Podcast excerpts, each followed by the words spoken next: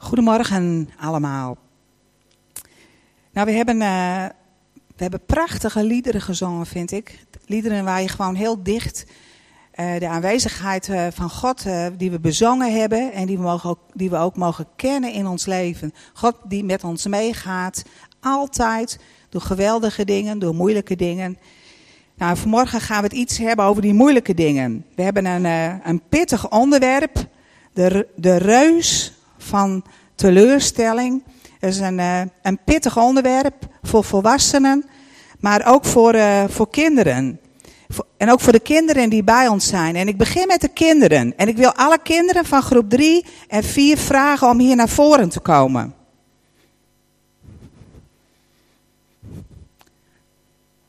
Kom hier maar, want ik heb hier iets voor jullie en ik ga iets aan jullie vertellen. Jullie mogen hier even gaan zitten.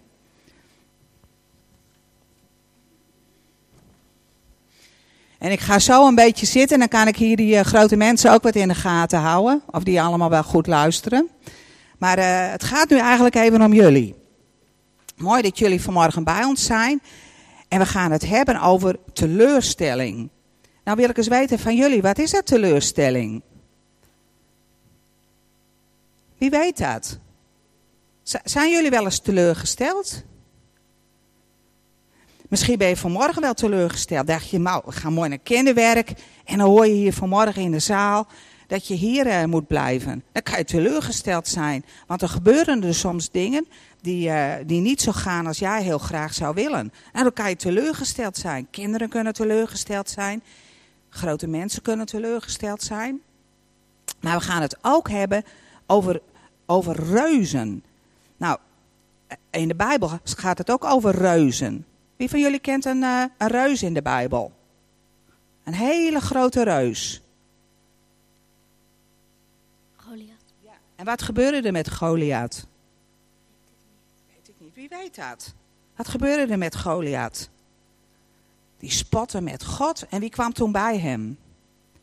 Wie gooide toen een steentje? Spannend hiervoor, hè? Dat was David. Nou, ik ga het over een ander. Kennen jullie nog een ander verhaal van reuzen in de Bijbel? Nee, nou, ik ga het over een verhaal hebben over uh, uh, het volk Israël. Die loopt door de woestijn. Die woonden eerst in Egypte. Moesten ze heel hard werken, waren ze slaven van een farao. En ze moesten maar bouwen en bouwen en bouwen. En toen kwam Mozes. En Mozes, God die riep Mozes om hem mee te nemen. En toen gingen ze naar een beloofde land, gingen ze naar Israël toe. Toen moesten ze een hele lange reis maken door de woestijn. En toen op een gegeven moment waren ze vlak bij het land waar ze naartoe moesten gaan. En toen waren ze daar en toen zei Jozua, die zei, nee niet Jozua, helemaal fout. Toen zei Mozes, toen koos die twaalf mannen uit en dat waren spionnen. Die gingen stiekem kijken. Die gingen vast al naar dat land toe. En die moesten gaan kijken hoe het in dat land was. Nou, en die mannen die uh, gingen op reis. En het volk dat was, was helemaal benieuwd. Die zat af te wachten tot ze terug zouden komen. En toen kwamen ze terug. En toen hadden ze iets bij zich. Toen hadden ze een hele grote tros met druiven bij zich. Prachtig. En ze begonnen te vertellen. Ze zeiden, ja, het is een prachtig land. Het is, een, het is echt een heel mooi land. Er groeit van alles. Kijk, deze mooie druiven, die komen daar ook weg. Maar, zeiden ze, dat land, daar kunnen wij nooit inkomen. Dat land, dat kunnen wij nooit veroveren. Daar zijn hele grote, dikke muren. Dat gaat ons nooit lukken. En weet je wat daar ook zijn? Reuzen. Hele grote mensen. Nou, echt waar. Dat gaat ons nooit een keertje lukken. Dat was toch een teleurstelling? Hadden ze de hele tijd door de woestijn gelopen. De Egyptenaren waren eerst er nog achter hen aangekomen. Het hele leger. En dit was ook nog, toen gingen ze, dat leger ging achter hen aan. En weet je wat er toen gebeurde? Pakte dat leger hun toen? Wat dan? Weet ik niet. Weet je niet? Dat hele leger verdronk in de zee. En ze konden het volk niet pakken. En nou stonden ze voor het land en ze konden er niet in. Want het was veel, het was gewoon veel te pittig, veel te moeilijk. Nou, ze waren echt heel erg teleurgesteld. Maar er waren twee mannen, Jozua en Caleb, die zeiden: Nou, maar het gaat ons wel lukken. Het gaat ons zeker wel lukken, want God is bij ons. En God is zo groot, God is gewoon veel groter. Dus we hoeven helemaal niet bang te zijn. We kunnen, we kunnen het best. Maar die andere mannen, die schreeuwden veel harder, die tien mannen. Die zeiden, nee, het wordt helemaal niks. En die ruiden het hele, hele volk op. En, en weet je waar de mensen naar luisterden? Ze luisterden naar die tien mannen. En dat was zo dom. Ze waren, nou, ze waren gewoon hartstikke bang. En wat hadden ze moeten doen? Ze hadden moeten luisteren naar Jozua en Caleb. Want die vertelden over wie God is en hoe groot God is. Dus die mensen waren gewoon heel dom. Ze hadden, uh, weet je, als je, uh, zij wisten niet, eigenlijk wisten ze niet wie God was en wat God allemaal kon. En als je teleurgesteld bent, als jullie teleurgesteld zijn, dan kun je dat altijd aan God vertellen. God is altijd bij je. Hij laat je nooit alleen. Hij zorgt altijd voor je. Als je heel blij bent, is God bij je. Als je heel verdrietig bent, is God bij je. Hij is er altijd. Hij kent je door en door. Hebben we ook van gezongen zo straks. Hij kent je van buiten en van binnenin. God weet er precies wat er in jou is. Nou, daar gaan we ook iets over doen. Ik heb voor jullie allemaal een pakketje. En daar zit, uh, daar zit een plaat in van hetzelfde verhaal. Hier zie je de tien mannen. En die hebben de duim. Nee, hier zie je de tien mannen. En die hebben de duim naar beneden. Die zegt dat wordt niks. Want wat zit daarachter? Een hele grote reus. Ze zeggen, daar worden we hartstikke bang. We gaan het gewoon niet doen. En dan zijn er twee mannen. En die twee mannen, die zeggen, goed nieuws.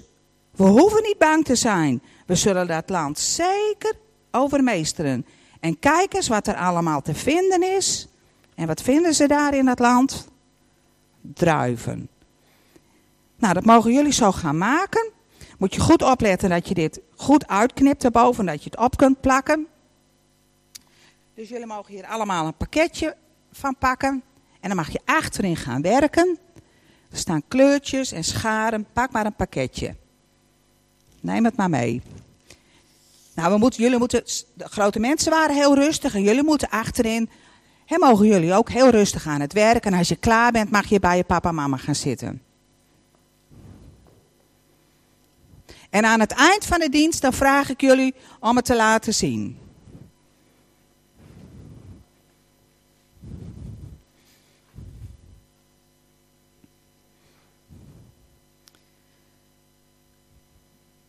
Nou, teleurstelling. We hebben er allemaal net al even over gehoord. Maar teleurstelling, daar hebben we allemaal mee te maken. We komen het allemaal tegen. In ons leven uh, kunnen we uh, niet voorkomen dat we teleurgesteld raken. En het doet ons vooral heel veel pijn als mensen heel dicht bij ons, je vrienden of je familie, als die uh, je teleurstellen. Als die dingen doen die, die, jou pijn doen. Of je broers en zussen in de kerk. Het raakt je heel erg diep als die mensen je teleurstellen. En de reus, ik heb het een reus van teleurstelling genoemd. Want teleurstelling kan zo levensgroot zijn. En de reus van teleurstelling die verslaat duizenden. Er zijn zoveel mensen die leven in teleurstellingen. En dat het deel wordt van je leven. Nou, hoe wapen je je nou tegen teleurstelling? Want teleurstelling, dat kan zich opstapelen diep van binnen. En er komt meer, en er komt meer, en er komt meer bij. En het kan best zijn dat niemand om je heen er iets van merkt. Maar ondertussen vreet het je van binnen stuk. Het ontneemt je de vreugde, het ontneemt je de vrede. En uh, het neemt heel veel energie van je. Als je teleurgesteld bent, kun je eigenlijk je niet geven in het nu en in het nu leven. Maar je bent bezig met wat geweest is. En er gaat heel veel energie in jouw leven, die gaat naar die teleurstelling toe. Je kunt er zelfs ziek van worden. Er zijn zoveel lichamelijke klachten die komen van teleurstelling. Of van negatieve dingen die een uitweg vinden in je lichaam. Dat kan ook iets anders zijn dan teleurstelling. Maar je kunt ook denken, als je teleurgesteld bent, dat overkomt mij niet weer. Dit was één keer En de volgende keer pas ik wel op. Dat doe ik. Ik ga niet weer het risico lopen. En dan bouw je een muurtje om je heen. Lekker veilig, op je eigen stukje. Niemand komt mij meer pijn doen. Niemand raakt mij meer. En je bepaalt uiteindelijk dan zelf wie je nog wel dicht bij je laat komen. Veilig, achter je dikke muren, maar met pijn van binnen. En in Psalm 139, vers 23 en 24, daar staat: Doorgrond mij, God, en ken mijn hart. Peil mij en weet wat mij kwelt. Zie of ik geen verkeerde weg ga en leid mij over de weg die eeuwig is. We hebben gezongen, God kent je. We hebben dat ook, God weet wat je vertelt, maar ook wat je diep in je hart verborgen hebt. God ziet dat. En God weet ook uh, of er dingen zijn waar jij mee aan de gang mag gaan. En er staat ook uh, uh, dat je God mag vragen of je een heilloze weg gaat, een, een, een verkeerde weg. En dat je, je eigenlijk bezig bent met iets wat niet tot iets goeds leidt. En je mag dat ook aan God vragen als, als dat in je leven het geval is. En je mag je overgeven aan de weg die God voor je heeft. God heeft goede dingen voor je. God heeft, God heeft voor ons allemaal een uh, hoop, maar God heeft ook een doel en een bestemming waar uh, wij mogen stappen in ons leven. En daarom is het ook uh, zo belangrijk dat je vrij bent om die weg te gaan die God voor ons heeft. Nou, ik heb net aan de kinderen al iets verteld over de twaalf verspieders, maar het verhaal wil ik ook nog een keer lezen uit, uh, uit de Bijbel. Dat staat in nummer 13 vanaf vers 25 en daarna ga ik door met nummer 14. Het volk is in de woestijn en dan uh, vallen we nou ja, in, midden in het verhaal. Dat de verspieders terugkeren, die zijn naar het beloofde land geweest en die keren nu terug. Nadat ze het land veertig dagen lang verkend hadden, keerden ze terug naar Kades in de woestijn van Paran, naar Mozes, Aaron en de andere Israëlieten. Ze brachten aan het hele volk verslag uit en lieten de vruchten uit het land zien. Wij zijn in het land geweest waar u ons naartoe hebt gestuurd, vertelden ze aan Mozes. Werkelijk, het vloeit over van melk en honing en deze vruchten groeien er. Maar daar staat tegenover dat de bevolking van het land sterk is. De steden zijn versterkt en heel groot. En ook hebben we er Enakieten gezien. In een Negev wonen Amalekieten, in, de berg, in het bergland Hethieten, Jebusieten en Amorieten. En aan de kust en langs de Jordaan wonen de Canaanieten. Caleb die wilde voorkomen dat het volk zich tegen Mozes zou verzetten, zei: We kunnen zonder probleem optrekken en het land in bezit nemen. We kunnen dat volk makkelijk aan. Maar de mannen die met hem mee waren geweest zeiden: We kunnen dat volk niet aanvallen. Het is te sterk voor ons.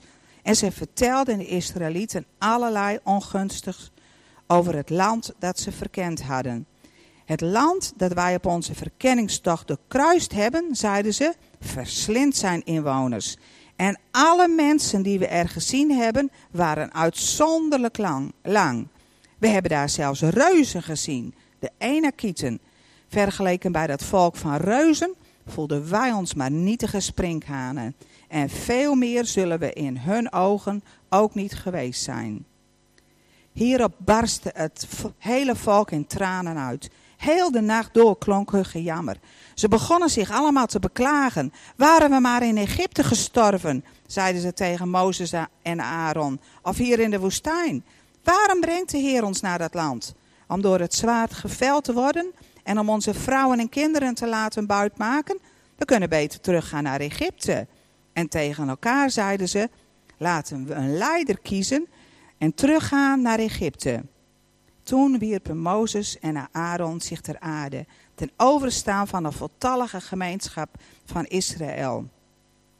Jozua, de zoon van Nun, en Caleb, de zoon van Jefunne, twee van degenen die het land verkend hadden, scheurden hun kleren en zeiden tegen de Israëlieten: Het land dat wij op onze verkenningstocht doorkruist hebben, is een buitengewoon goed land.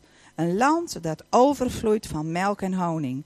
Als de Heer ons goedgezind is, zal Hij ons erheen brengen en het ons geven. Maar verzet u dan niet tegen de Heer en wees niet bang voor de bevolking van het land. Die vermorzelen we met gemak. Zij hebben niemand die hen beschermt en wij worden bijgestaan door de Heer. Wees dus niet bang. Het volk dreigde hen te stenigen, maar toen verscheen de majesteit van de Heer in de ontmoetingstent aan de Israëlieten. Een bijzonder verhaal. De mannen, de verspieders, die zijn vol verwachting naar het beloofde land gegaan. Ze komen daar. Ze zijn blij dat ze uit slavernij zijn. En, en zien uit naar de toekomst die komen gaat. En dan komen ze daar binnen. En dan zien ze alleen die grote muren, die, die, die, uh, hele grote mensen. En voelden ze zichzelf als sprinkhanen. Gewoon niets. En ze waren gewoon boos. Ze waren teleurgesteld. Ze waren kwaad. Kwaad. En dan is het zo wonderlijk. Ze hadden het zo slecht in Egypte. En ze zeggen, laten we maar teruggaan. Hadden we daar, hadden daar wel kunnen sterven. Beter dan door het zwaard uh, vernietigd te worden. En, en dan zijn er twee mannen die een ander verhaal hebben. Die een ander woord uh, doorgeven. Maar het wordt niet gehoord. Als mensen een negatief woord doorgeven, teleurstelling, bitterheid, dan, dan is dat zo gemakkelijk over te brengen naar anderen. En uh, er staat ook in de Bijbel dat er geen bittere wortel, geen giftige kiem staat in een nieuwe vertaling, in je hart moet komen. Want als dat erin komt, dan, dan blijft dat daar en dan groeit dat en dan ga je dingen negatief beoordelen. Nou, die tien mannen, die, die, hadden, die, die hadden gehoor, maar die twee andere mannen, die wezen op de God van, van Israël, de God waar ze bijzondere wonderen al van hadden gezien. Daar vertelden zij van, maar ze kregen geen gehoor. Ik denk wel wat een teleurstelling moet dat geweest zijn. We lezen in dit stuk dat het volk, het volk de hele nacht huilt. Het heeft hun diep geraakt. Dat er gewoon geen, als het ware geen hoop uh, voor hen is. En ze willen uh, een, hun eigen leider kiezen, niet langer Mozes. En ze willen hun eigen leider kiezen en teruggaan naar wat geweest is. Misschien herkennen wij dat soms ook. Dat we denken, nou, hoe het ook was, dit is niks. En dan is alles wat vroeger geweest is, lijkt mooier. Dat in je herinnering vergeet je die dingen die toen ook niet zo goed waren. Maar je denkt, laat ons gewoon maar teruggaan. Onze eigen weg gaan. En ik, vind het zo bijzonder. Het raakte mij nu opnieuw toen ik dit las. Toen kwam God. God greep in. Er staat van, uh, hè, want ze wilden hunzelf stenigen. Want ze wilden gewoon dat geluid, dat geluid van hoop en leven, van mogelijkheden wilden ze niet horen. En uh, het volk wilde hen stenigen. Maar toen verscheen de majesteit van de Heer in de ontmoetingstent aan de Israëlieten. God liet zichzelf zien. God liet zelf zien zijn grootheid en kracht. En het is heel verdrietig wat daarna gebeurde. En, uh, uiteindelijk is, is, behalve die twee mannen, Jozua en Caleb, zijn niemand, is niemand van het volk is Israël binnengegaan. Ze zijn hebben jaren in de woestijn moeten uh, ronddolen. De andere verspieders zijn gedood. En niemand van hen heeft het beloofde land gezien. Dus het is heel, heel, heeft grote gevolgen gehad dat ze omgekeken hebben naar wat ze zei, zagen en niet vertrouwden op God. Ik vind het zelf zo bijzonder als je het verhaal dan van Jozua leest, dat hij Jericho inneemt. Dan komen ze weer opnieuw bij een hele grote stad. Dan hoor je helemaal niet dat ze het niet aandurven. En dan moeten ze ook nog heel wonderlijk die stad innemen. Die stad met die dikke muren. Ze gaan helemaal niet strijden. Ze moeten er gewoon omheen lopen. En God laat op een geweldige manier zien hoe, hoe hij uh, een overwinning kan geven. Hoe hij een strijd aan wil gaan. Dus heel belangrijk. Hoe gaan wij om met teleurstellingen? Luister je naar God? Verwacht je het van Hem? Of luister je ergens anders naar? Luister je naar wat andere mensen vertellen? Of luister je naar de duivel? De duivel die zal tegen je zeggen: Jij kunt het niet. Je bent veel te klein, te onervaren. Ga er toch niet aan beginnen. Het wordt gewoon een grote mislukking. Houd toch vast aan wat je nu hebt. Dan heb je dit in ieder geval. En ga dat risico gewoon niet aan. Maar de Heilige Geest, die heeft een hele andere boodschap. Die zal tegen jou zeggen: Zie je die reus? Zie je hoe groot hij is? Tegen de tijd dat wij klaar zijn met hem, dan ben jij zo groot als die reus nu is.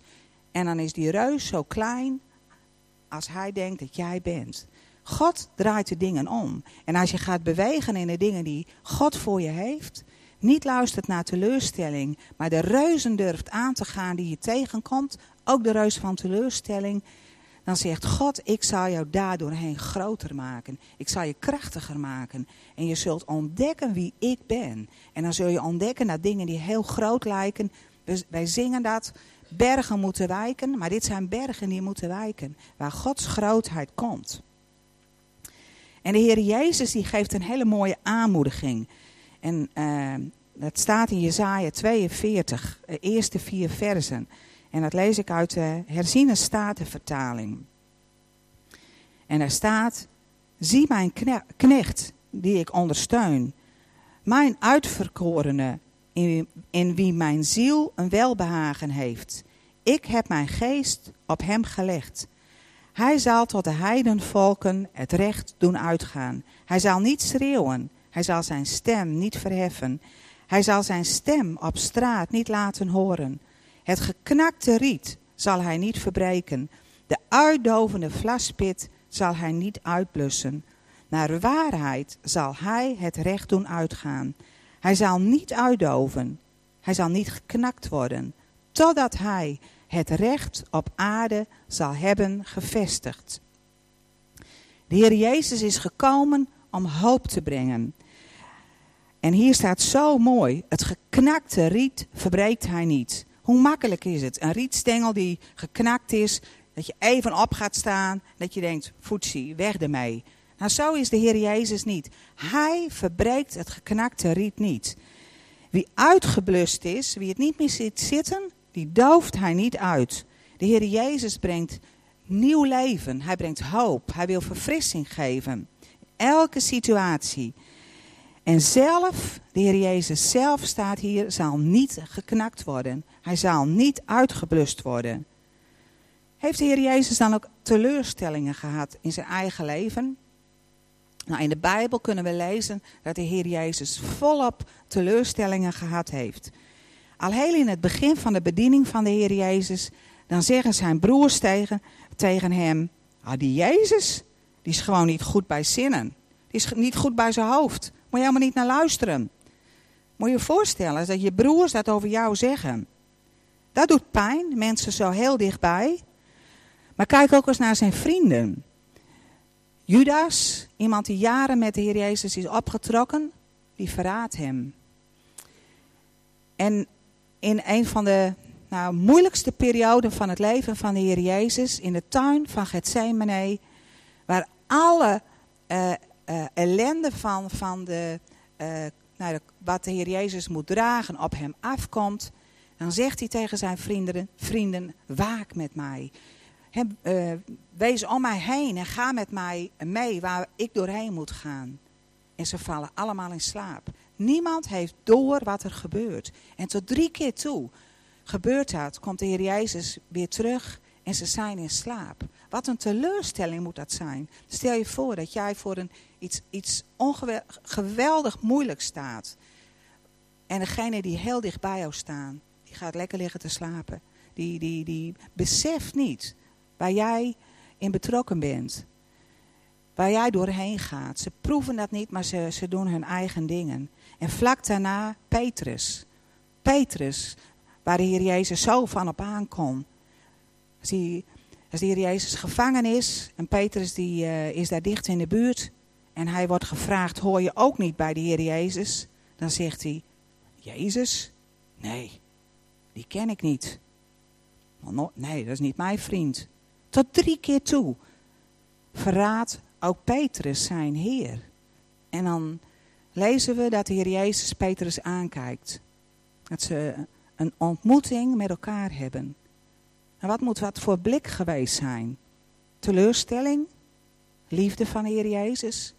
Het moet in ieder geval zowel Petrus als de Heer Jezus diep geraakt hebben. Dat op het op het zo'n moment dat degene die heel dicht bij jou staat, dat hij zegt dat hij niet bij je hoort. Dat hij jou gewoon alleen laat. Jezus kende teleurstelling. Maar hij leefde in een diepe relatie met zijn vader. We lezen dat hij zich terugtrok om met zijn vader te spreken. Om van hem te ontvangen. Om troost en bemoediging steeds opnieuw van God te ontvangen. En liefde voor de mensen om hem heen. De Heer Jezus liet zich vullen. Steeds vanuit de Vader. En zijn hele leven sprak de Heer Jezus de woorden van de Vader.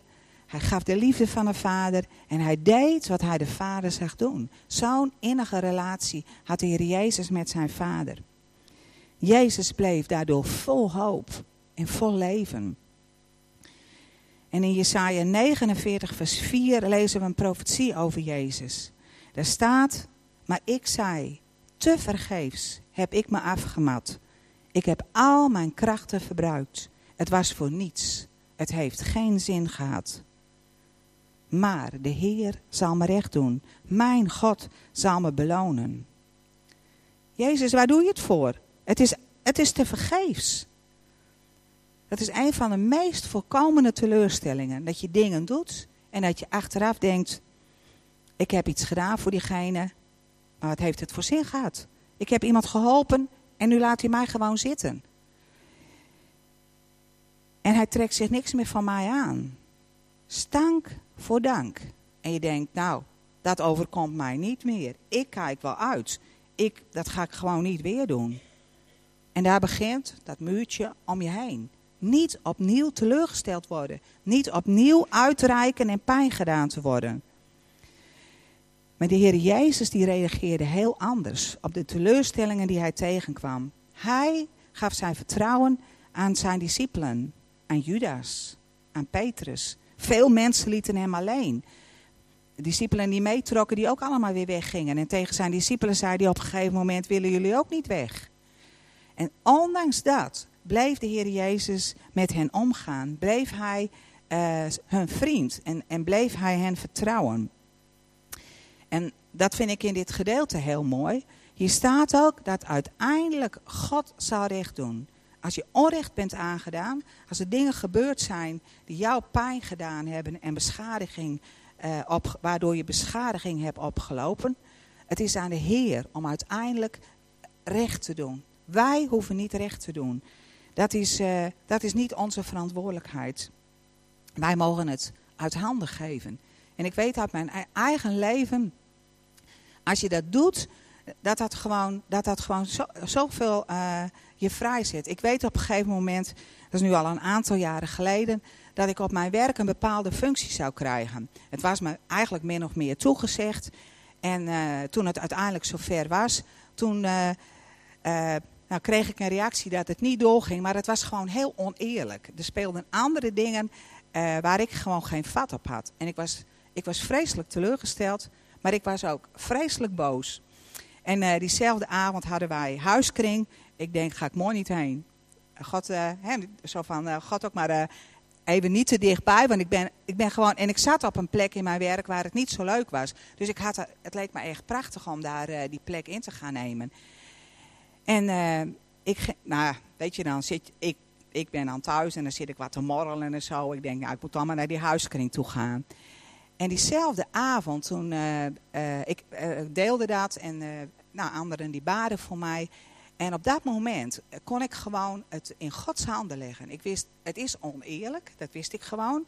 Maar ik wist van, ik hoef daar niet voor op, ik hoef niet voor mijzelf op te komen. Dat doet God wel. En hij gaat recht doen. En het wonderlijke was, die boosheid die was gewoon weg. Het, was, gewoon, het was gewoon voorbij. En dat, dat vind ik zo'n wonder van God. Dat uh, God vraagt van ons om op een goede manier met dingen om te gaan. En het aan hem over te laten. Om een weg te vinden die, ja, die herstel gaat brengen. En die recht gaat doen voor wat aan jou toekomt. Soms ga je het merken. In dit geval veranderde er iets in mij. Die baan kreeg ik niet. Achteraf ben ik daar heel blij om. Maar uh, ook, dan denk je, nou, ook daar is God in geweest. Maar ja, ik hoefde daar niet mee om te gaan als ik die mensen tegenkwam op mijn werk.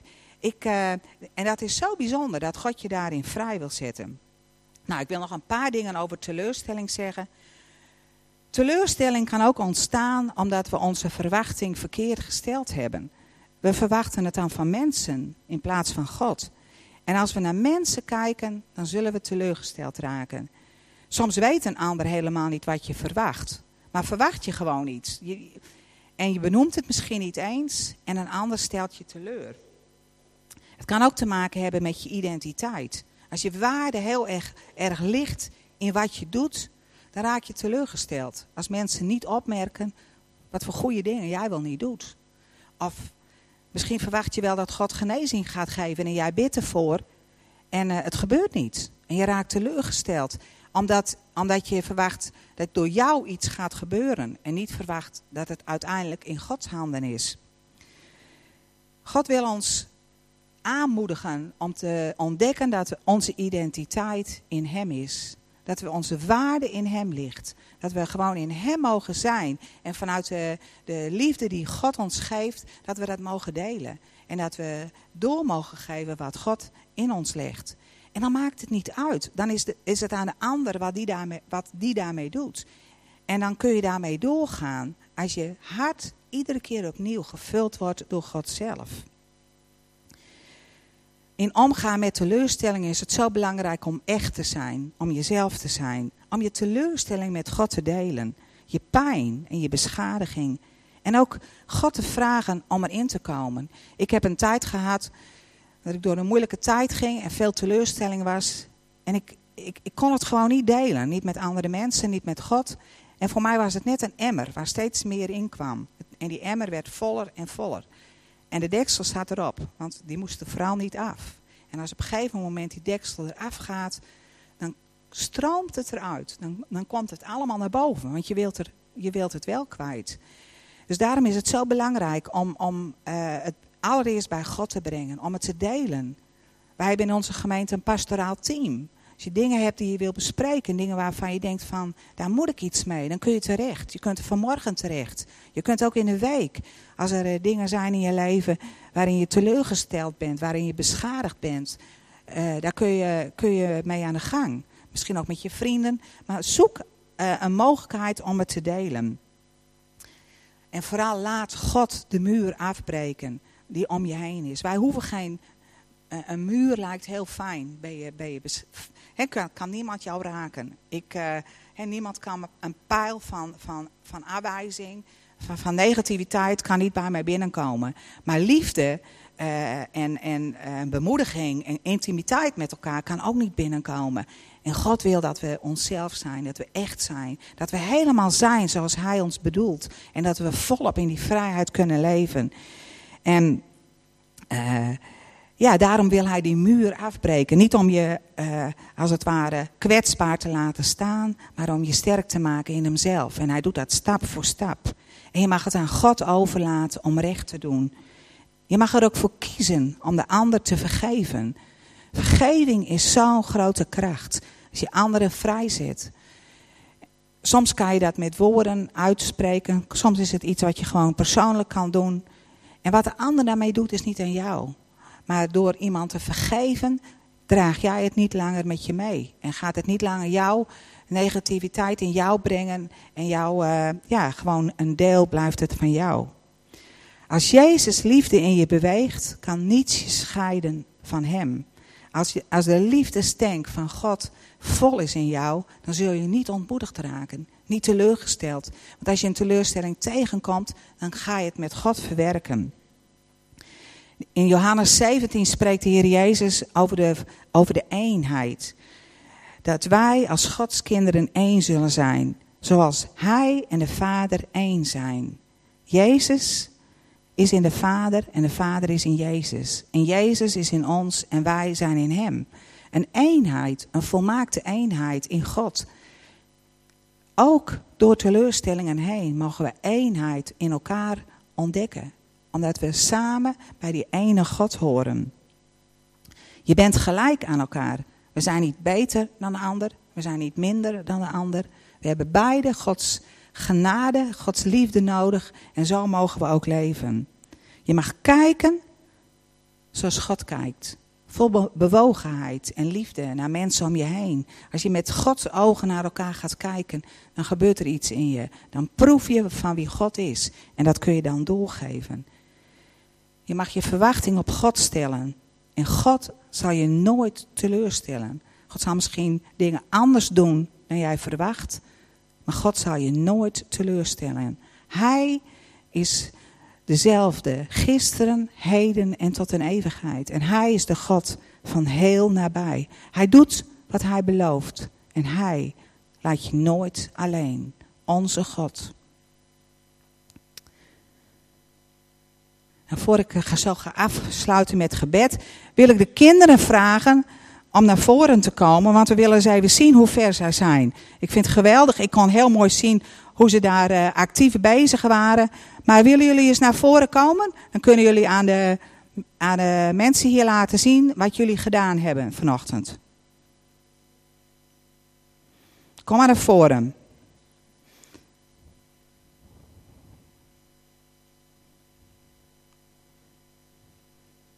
Jullie mogen wel even hier helemaal bij mij komen.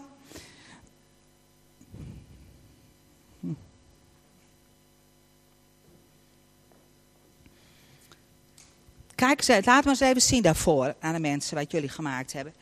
Prachtig, jij hebt het gekleurd en jij hebt het opgeplakt. Jij hebt het ook prachtig gekleurd. Hele mooie kleuren, mooie paarse druiven, zie ik wel. En jij moet hier het, dit er nog opplakken. En jij hebt het ook prachtig gemaakt. Hele mooie kleuren. En hierachter zitten de druiven. En wat zit daarachter? Een hele grote reus.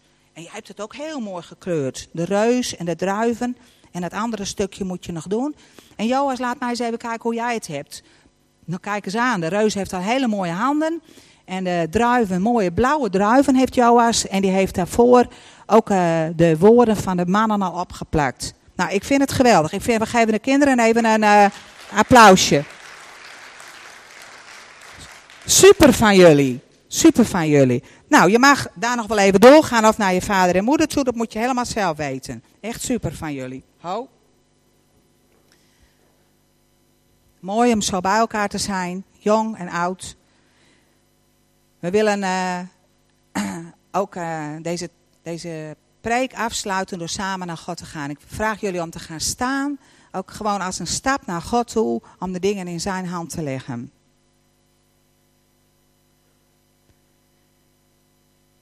Heer, dank u wel. Dank u wel, Heer, dat, ja, dat u onze God bent. Heer, dat wij van u zijn. Dat we met u mogen leven. Dat we bij u horen. Heer, dat u ons nooit alleen laat. Heer, en dat u ons door en door kent. Heer, u kent ons van buiten en van binnenin. Heer, vanaf het allereerste begin. U bent alle dingen waar wij doorheen gegaan zijn in ons leven. Heer, daar was u bij. Heer, en uw diepe verlangen is om ja, uw kracht en uw liefde aan ons te geven waar we het het meest nodig hebben. Heer, waar wij ja, pijn hebben geleden, waar we nog steeds pijn hebben op dit moment, waar we beschadigd zijn. Door anderen, door teleurstellingen, waar we misschien wel heel boos zijn. Heer, ik dank u wel dat u het begrijpt. Heer, en dat we echt mogen zijn. Ik dank u wel dat uw hand op ons leven is. Heer, en dat u volmaakt wat u begonnen bent in een ieder van ons. En er is geen situatie te groot voor u. Heer, uw almacht is zo groot dat wat, waar wij ook aan denken, waar we ook in zitten, u bent groter. U bent groter. Heer, en ik dank u voor uw geest die in ons woont, die in ons werkt. En dat we daarin volop van u mogen ontvangen. Heer, we willen ons hart daar volop voor openen. U bent fantastisch en dank u wel dat we met u mogen leven. Dag aan dag draagt u ons. En dank u wel dat u elke muur wil wegnemen. Heer, dat we echt mogen zijn. Helemaal onszelf. Heer, met alle dingen die u in ons gelegd heeft, dat die naar buiten komen. Meer en meer en meer. Dank u wel dat u dat doet. Amen.